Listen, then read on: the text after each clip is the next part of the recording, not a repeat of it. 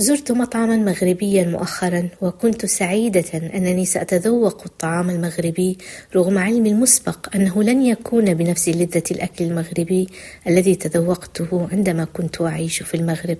المطعم أسعاره بالطبع خيالية مثل كل المطاعم العربية هنا ولكنني كنت سعيدة بكل الأحوال. أنني سأعيش ساعات من السعادة في أجواء عربية في مطعم اسمه معبر جدا عن الثقافة العربية حبيبي. وبالطبع تم اختيار هذا الاسم لأنها الكلمة العربية التي يعرفها كل السويديين. عندما جلسنا قالت لي صديقتي الشرق الأوسط فيه الكثير من الجمال من مأكولات لطبيعة لأماكن تاريخية. لولا وجود الحروب والنزاعات الدائمة لكنت زرته بشكل مستمر.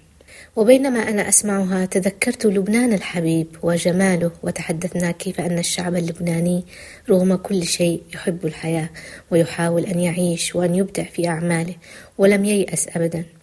تذكرت اليمن بلدي الذي من الممكن أن يصبح قبلة سياحية لكل العالم لكثرة التنوع والجمال الذي فيه.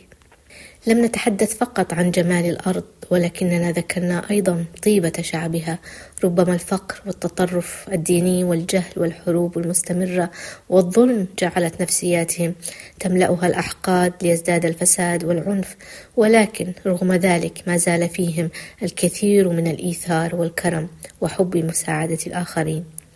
فتخيل معي لو كانت هذه الشعوب تعيش في أمان في ظل دول عادله ومساواه وأمان مادي وعدالة اجتماعية وقوانين مدنية وعلوم حقيقية ترفع من شأن الإنسان بدلا من العلوم التي يدرسها الكثيرون التي تحولهم لكارهين ومتطرفين. وقتها بالتأكيد ستكون هذه الشعوب أفضل بكثير وهذه الأرض ستكون جنة سيكون شرقا أوسط جميلا مختلفا تماما عن اليوم ولعل ذلك اليوم يأتي. هند الإرياني.